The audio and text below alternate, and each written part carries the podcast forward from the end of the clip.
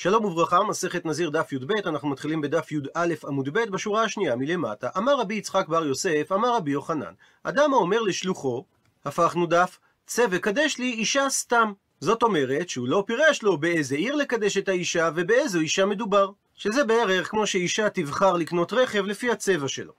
ולפי גרסת הבח ומת השליח, כך שהמשלח לא יודע איזה אישה קידש השליח בעבורו. אז הדין שהוא אסור בכל הנשים שבעולם, מפני שחזקה השליח עושה שליחותו.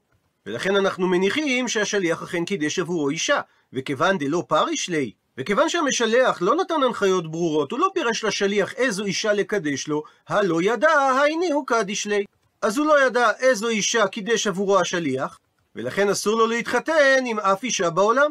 שהרי יש חשש על כל אישה שהיא, אולי היא אחת משבע האריות האסורות על אדם שקידש אישה. שהן הסבתא שלה מצד האבא, הסבתא שלה מצד האימא, האימא שלה, אחותה, הבת שלה, הבת של הבת שלה והבת של הבן שלה. הייתי והקשה ריש לקיש לרבי יוחנן את השאלה הבאה מהמשנה במסכת קינין. כן סתומה שפרחה גוזל אחד מהן לאוויר העולם, או שפרחה אותו גוזל לבין חטאות המתות, או שמת אחד מהן, הדין שייקח זוג לשני. הוא מסביר התוספות, זב או זבה, יולדת או מצורע, צריכים להביא קורבן חטאת העוף ועולת העוף. ולמרות השיר המפורסם שאומר, ובקן לה שלוש ביצים, בדרך כלל בקן היו רק שני גוזלים. אז אם הבעלים כבר קנו, דהיינו הפרישו להם שתי תורין או שני בני יונה, אבל הם עדיין לא קראו להם שם, איזה מהעופות מיועד לחטאת ואיזו מהעופות מיועד לעולה, זה המצב שמכונה במשנה קן סתומה.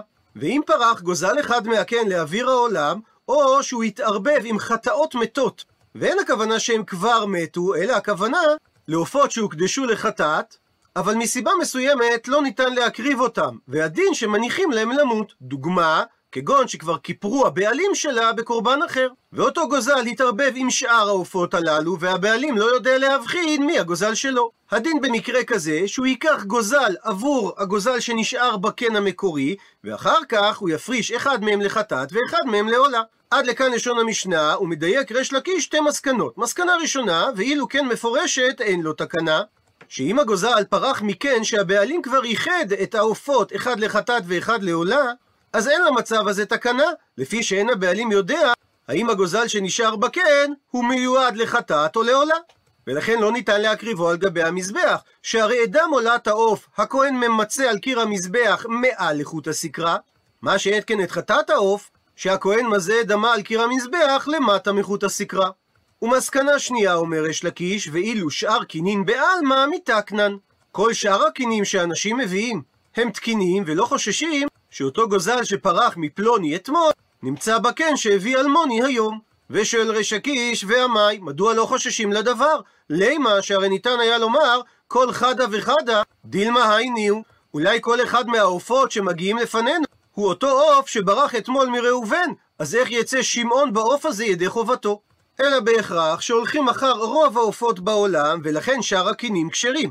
אז קשה על רבי יוחנן שאמר שאדם שאמר לשלוחו צו וקדש לאישה סתם שהוא אסור בכל הנשים שבעולם שהרי רוב הנשים בעולם הם לא קרובות של אותה אישה שהשליח קידש עבורו. אמר לי, עונה רבי יוחנן לריש לקיש, קאמינא אנא אישה דלא ניידא, ואמרת לי את איסורא דנייד? אני אמרתי את הדין לגבי אישה שבאופן מהותי היא לא ניידת, כי כל כבודה בת מלך פנימה, ולכן כאשר השליח קידש אותה עבור המשלח, היא הייתה קבועה בביתה, וממילא זה נחשב כספק של מחצה על מחצה. ואתה מקשה לי מאיסור שהוא איסור נייד, שהלא העוף זז ממקום למקום. כך שרוב הסיכוי שהעוף שבא לפנינו להקרבה, הוא לא אותו העוף שברח אתמול מהבעלים שלו. ונחדד טיפה את הכלל כל קבוע כמחצה על מחצה דמי. הלכה רווחת היא בדיני איסור והיתר שיש ללכת אחר הרוב, כפי שלומדים מהפסוק אחרי רבים להטות. אם למשל יש בעיר מסוימת עשר חנויות בשר, שתשע מהן מוכרות בשר כשר ואחת מוכרת בשר טרף, אז אם חתיכת בשר נמצאה ברחוב ואין ידוע מה מקורה, ניתן ללכת אחר הרוב ולהניח שמדובר בבשר כשר. אבל אם החפץ נמצא במקומו הקבוע, ומסתפקים בעניין זהותו של אותו מקום, במקרה כזה אין הולכים אחר הרוב, אלא מתייחסים לשתי אפשרויות כאילו הן שקולות, או בלשונה של הגמרא, כל קבוע כמחצה על מחצה דמי. כך למשל, במקרה שהזכרנו, אם הבשר לא נמצא ברחוב, אלא מישהו קנה אותו בחנות מסוימת, רק הוא לא יודע האם החנות הייתה כשרה או טרפה, אז יש להתייחס לכך כאל ספק שקול של 50%, וממילא לאסור את הבשר מספק. דין זה נחשב לאחד הדינים המחודשים ביותר בעולם ההלכה. אבל הקושי לכאורה בולט, הרי ההסתברות שהחפץ מותר שמה בדיוק בשני המקרים, אז לא מובן כלל מדוע לחלק ביניהם. ניתן להסביר את הדברים באופן הבא. דין הליכה אחר הרוב לא קשור לסבירות הסטטיסטית של האפשרויות, אלא הוא מתייחס למספר האפשרויות שעומדות לפנינו. כאשר הספק נולד בתוך החנות, מתעוררת השאלה, האם החנות כשרה או טרפה? ולשאלה זו יש רק שתי תשובות אפשריות, לכן אנו מתייחסים אל הספק כשקול, ואף שאפשרות אחת סבירה יותר. לעומת זאת, כאשר חתיכת הבשר נמצאה ברחוב, אז הספק שמתעורר מהיכן הגיעה החתיכה, ולשאלה זו ישנן עשר תשובות אפשריות, ולכן אנו הולכים אחרי המסקנה העולה מרובן של האפשרויות.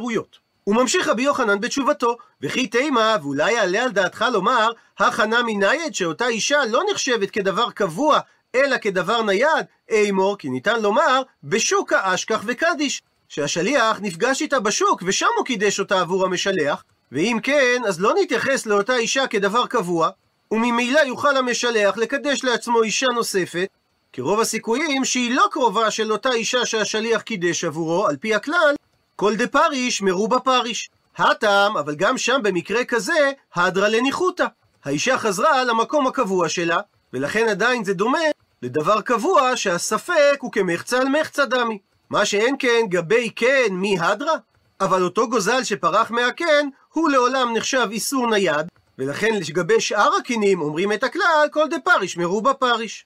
הוא מסייג את הדברים, אמר רבא, ומודה רבי יוחנן שאם מדובר באישה שאין לה לא בת ולא בת בת ולא בת בן ולא אם ולא אם אם ולא אחות, הוא מוסיף רבא ואומר, ואף על פי שהייתה לה אחות או אחת משאר הקרובות, שבזמן ששילח זה את שלוחו הייתה אותה קרובה נשואה, כך שהיא לא הייתה ראויה להתקדש לו, גם במקרה ונתגרשה לאחר מכאן, אפילו אם זה היה לפני שהשליח קידש את אחותה, עדיין דהאי שריה. אותה אישה שהמשלח רוצה לשאת עכשיו לאישה מותרת לו, כי אין חוששים לומר שמא השליח בא לאותו מקום וקידש את אחותה, לאחר שהיא נתגרשה ונמצא זה פוגע באחותה, ויש בדבר איסור של שתי אחיות. מה היא טעמה? הוא מסביר התוספות. כלומר, באיזה מציאות מדובר שלא היה לה אחות ועתה יש לה? ובעצם אומר תוספות, הלשון המדויקת הייתה צריכה להיות היחידה אלא שכפי שהזכרנו בתחילת המסכת, לשון נזיר משונה. מסבירה הגמרא, דבהאי שעתא דקאמר לי, שבאותה נקודת זמן שהמשלח ממנה את השליח, הווה אותה אישה נסיבן לגברי. הייתה הקרובה שלה אשת איש, ויש כלל שאומר, כי משוי שליח במילתא דקיימא קמי, במילתא דלא קיימא קמי לא משוי שליח. אדם ממנה שליח על דבר שהוא יכול עצמו לעשות באותו זמן, ולא על דבר שאין בידו לעשות באותה נקודת זמן. וממילא, אין בדעתו של המשלח שהשליח יקדש לו את אותה אישה שהתגרשה לאחר מכן, שהרי בשעה שהוא מינה אותו שליח, היא הייתה נשואה, ולכן יכול המשלח לקדש אישה נוספת, כי אפילו אם השליח קידש עבורו אחת מקרובותיה, הקידושים לא חלים, מפני שאין לשליח מנדט לקדש עבור המשלח אישה שהייתה נשואה בשעה שהוא מינה אותו. עד לכאן דברי רבא, ועכשיו מגיע הקשר לסוגיה שלנו. מקשה הגמרא תנען, הרי שנינו במשנה שלנו, שאדם שאמר הריני נזיר, ועליי לגלח נזיר, ושמע חברו ואמר ואני ועליי לגלח נזיר, אז אם היו פיקחין, מגלחים זה את זה, ואם לאו, מגלחים נזירים אחרים. כפי שהסברנו, שאם הם פיקחים, אז הם מנדבים את קורבנות הנזירות אחד עבור השני, ואם הם פחות פיקחים, אז הם מנדבים קורבנות של נזירים אחרים בלי לעשות הדדיות. ומקשה הגמרא, בישלמה בתרא איכא קדמה קמי. נוח לי להבין מדוע הנזיר השני יכול לצאת ידי חובה כאשר הוא מנדב את קורבנות הגילוח של הנזיר הראשון, שהרי בשעה שהוא נדר, הנזיר הראשון כבר היה נזיר. אלא קדמה מי איכא בתרא קמי? אבל מדוע אמרה המשנה שהנזיר הראשון יכול לצאת ידי חובה על ידי זה שהוא מנדב את קורבנות הנזיר השני? שהרי באותה שעה שהוא נדר, השני לא היה נזיר. אז מדוע אמרה המשנה שהם מגלחים זה את זה. הפכנו דף, אלא בהכרח צריך להסביר שהכי כאמר, כך אמר הנודר. אם אשכחנה דהווה נזיר אגלחי. אם בשעה שאני אבוא לקיים את הנדר שנדרתי, אני אמצא מישהו שהוא נזיר, אני אגלח אותו, דהיינו, אני אביא עבורו את קורבנות הגילוח, ואפילו אם אותו אדם לא היה נזיר בשעה שאני נדרתי. ועל פי ההבנה הזאת, החנמי, גם כאן, במקרה של אדם שאמר לשלוחו צא וקדש לאישה סתם, הכי אמר לי, ככה הוא אמר לו, אם אשכחת דמיגרשה, קדיש לי. אם בשעה שתבוא לקדש עבורי אישה, תמצא שהיא פנויה, דהיינו מגורשת, אפילו שהיא הייתה נשואה בשעה שמיניתי אותך, אתה יכול לקדש אותה עבורי. ואם כך, קשה על רבא שאמר שלפי רבי יוחנן, יכול המשלח לשאת אישה שהקרובות שלה היו נשואות בשעה שהוא מינה שליח לקדש לו סתם אישה.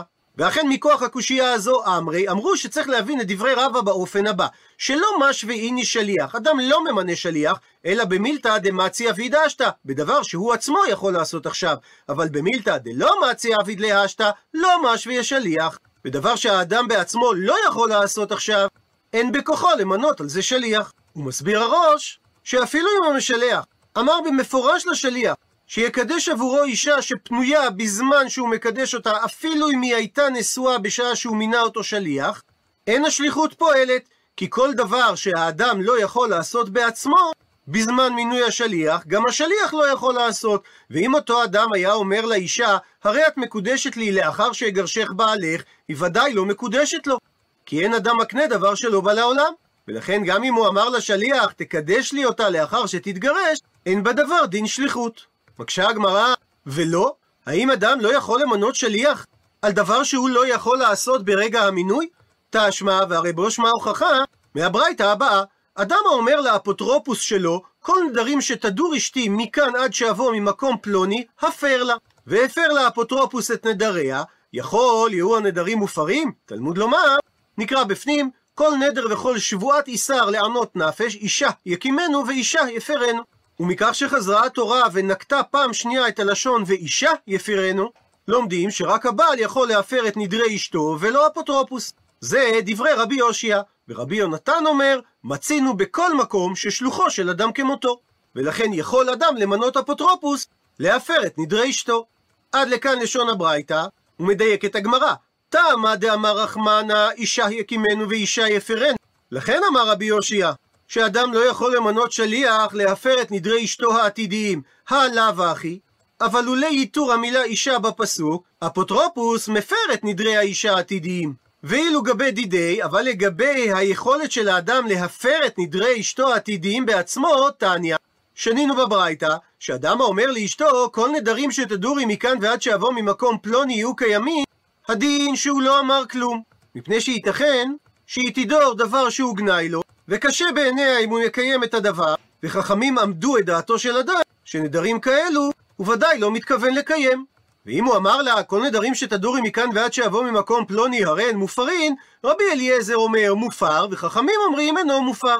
הוא מסביר הראש, שלפי רבי אליעזר הנדרים מופרים כי אין אדם חפץ באישה נדרנית ולכן נוח לו שכל נדריה היו מופרים וחכמים לעומת זאת אומרים שהנדר אינו מופר מפני שכתוב אישה יקימנו ואישה יפירנו ומהסמיכות בפסוק לומדים שכל נדר שאינו בכלל הקמה, אינו בכלל הפרה. ולפי זה מקשה הגמרא, כעסה על כדעתך, היה עולה על דעתך לומר, שכי אמר רבי יושיע בברייתא, שבעל לא יכול למנות אפוטרופוס, הוא אמר את הדברים אליבא דרבנן, לפי שיטת חכמים. דאמרי שהם אמרו שהבעל לא מצי, לא יכול, מפר בעצמו את נדרי אשתו העתידיים. שהרי אם הוא היה סובר כרבי אליעזר, שבעל יכול להפר את נדרי אשתו העתידיים, מדוע עליו למנות אפוטרופוס? הוא יכל באותה נקודת זמן להפר את נדרי אשתו. ובכל זאת אמר רבי יאשיה, והא לאו דאמר רחמנא, אם התורה לא הייתה אומרת במפורש את הפסוק, אישה יקימנו ואישה יפרנו, אז האפוטרופוס הוה מפר. כן היה ניתן למנות את האפוטרופוס להפר את נדרי האישה. זאת אומרת שכן ניתן למנות שליח, אפילו שהמשלח באותו נקודת זמן לא יכול לעשות את הדבר בעצמו, וממילא קשה על הסברו של רבא. מתרצת הגמרא ודילמא, אולי ניתן להסביר שרבי יאשיה אמר את דבריו אליבא לפי שיטתו דרבי אליעזר. דאמר שהבעל מצי מפר, כן יכול להפר את נדרי אשתו העתידיים. אי הכי, אבל אם כך, למה לי לשבויי שליח? מדוע הבעל צריך למנות אפוטרופוס כשליח להפר את נדרי אשתו העתידיים, שהרי להפר לה הוא, הוא עצמו יכול להפר לה את הנדרים העתידיים. מסבירה הגמרא שכסבר הבעל, דילמה אולי כשיגיע זמן הנסיעה, משתלינה, אולי אני אשכח, או רתחנה, או שאני אהיה עצבני באותו זמן, או מתרדנה, או שאני אהיה טרוד. ולכן למרות שמעיקר הדין אני יכול בעצמי להפר את נדרי האישה, אני מעדיף למנות שליח, שיהיה אפוטרופוס להפר את נדרי האישה עד שהבעל יחזור. ולכן לא קשה על רבא מדברי רבי הושע, שהסביר שאדם לא יכול למנות שליח עבור דבר שהוא עצמו לא יכול לעשות בשעת המינוי. ואומרת המשנה, אדם שאמר, הרי עליי לגלח חצי נזיר, זאת אומרת שהוא התחייב להביא חצי מקורבנותיו של גילוח נזיר אחד, ושמע חברו ואמר, ואני עליי לגלח חצי נזיר, הדין שזה מגלח נזיר שלם, וזה מגלח נזיר שלם דברי רבי מאיר. מפני שרבי מאיר סובר שאין אדם מוציא דבריו לבטלה, ולא מצינו נזיר לחצאין או קורבן לחצאין. וחכמים לעומת זאת חולקים ואומרים, זה מגלח חצי נזיר וזה מגלח חצי נזיר. כך ששניהם ביחד יביאו קורבנות של נזיר אחד, שהרי כל אחד מהם מתחייב רק על חצי נזיר. ואולי המשנה הזאת זה המקור לבדיחה הבאה, שאישה שלחה לבעלה הודעה בזו הלשון, יקירי, אתה רואה את השק עם התפוחי אדמה, תקלף חצי ושים בסיר להרתחה, וכשהיא הגיעה הביתה, היא גילתה תפוחי אדמה מקולפים לחצי בתוך הסיר. ואומרת הגמרא, אמר רבא, הכל מודיעים שכל היכא דאמר את הנוסח של חצי קורבנות נזיר עליי, שבמקרה כזה חצי קורבן מייטי. הוא צריך לתת לנזיר רק מחצית מידי הקורבנות של התגלחת שלו. כיוון שהוא תלה את הלשון החצי בקורבן, שהרי הוא אמר חצי קורבנות. והכל מודיעים שאם הוא אמר לשון של קורבנות חצי נזיר עליי, שבנוסח הזה המילה חצי מתייחסת למילה נזיר, הדין שכולי קורבן בעיתויי. הוא צריך לתת לנזיר דמי קורבן שלם. מה היא טעמה? מה הנימוק לדבר? דהה לא אשכחה נזירות לפלגה. שכן משמע מדבריו שהוא התחייב להביא חצי נזירות, ואין במציאות דבר כזה חצי נזיר. וכי פליגי בלישנא דמתניתין פליגי. המחלוקת של רבי מאיר וחכמים היא אך ורק בנוסח שנאמר במשנה. כאשר אדם אמר, הרי עליי לגלח חצי נזיר. שבמקרה כזה רבי מאיר סבר, שכיוון דאמר הרי עליי, הוא מיד יחייב אקולי קורבן נזירות, וכי המשיך וכאמר חצי נזירות לאו כל כמיני. וכאשר הוא המשיך ואמר את המילים חצי נזיר, אין בכוחו לבטל את ההתחייבות הראשונה שלו. מפני שרבי מאיר סובר שאומרים תפוס לשון ראשון כלשון הקובעת מהלשונות שאמר האדם. וממילא זה כאילו הוא אמר קורבנות חצי נזיר עליי, שבמקרה כזה הוא צריך להביא קורבן שלם. ורבנן לעומת זאת סברי, שכאשר הוא אמר הרי עליי לגלח חצי נזיר, זה נדר ופתח עמו הוא. זה משפט שהחלק הראשון שלו הוא הנדר, והחלק השני שלו זה פירוש הנדר. כך שזה כאילו הוא אמר חצי קורבנות נזיר עליי. עד לכאן דף י"ב.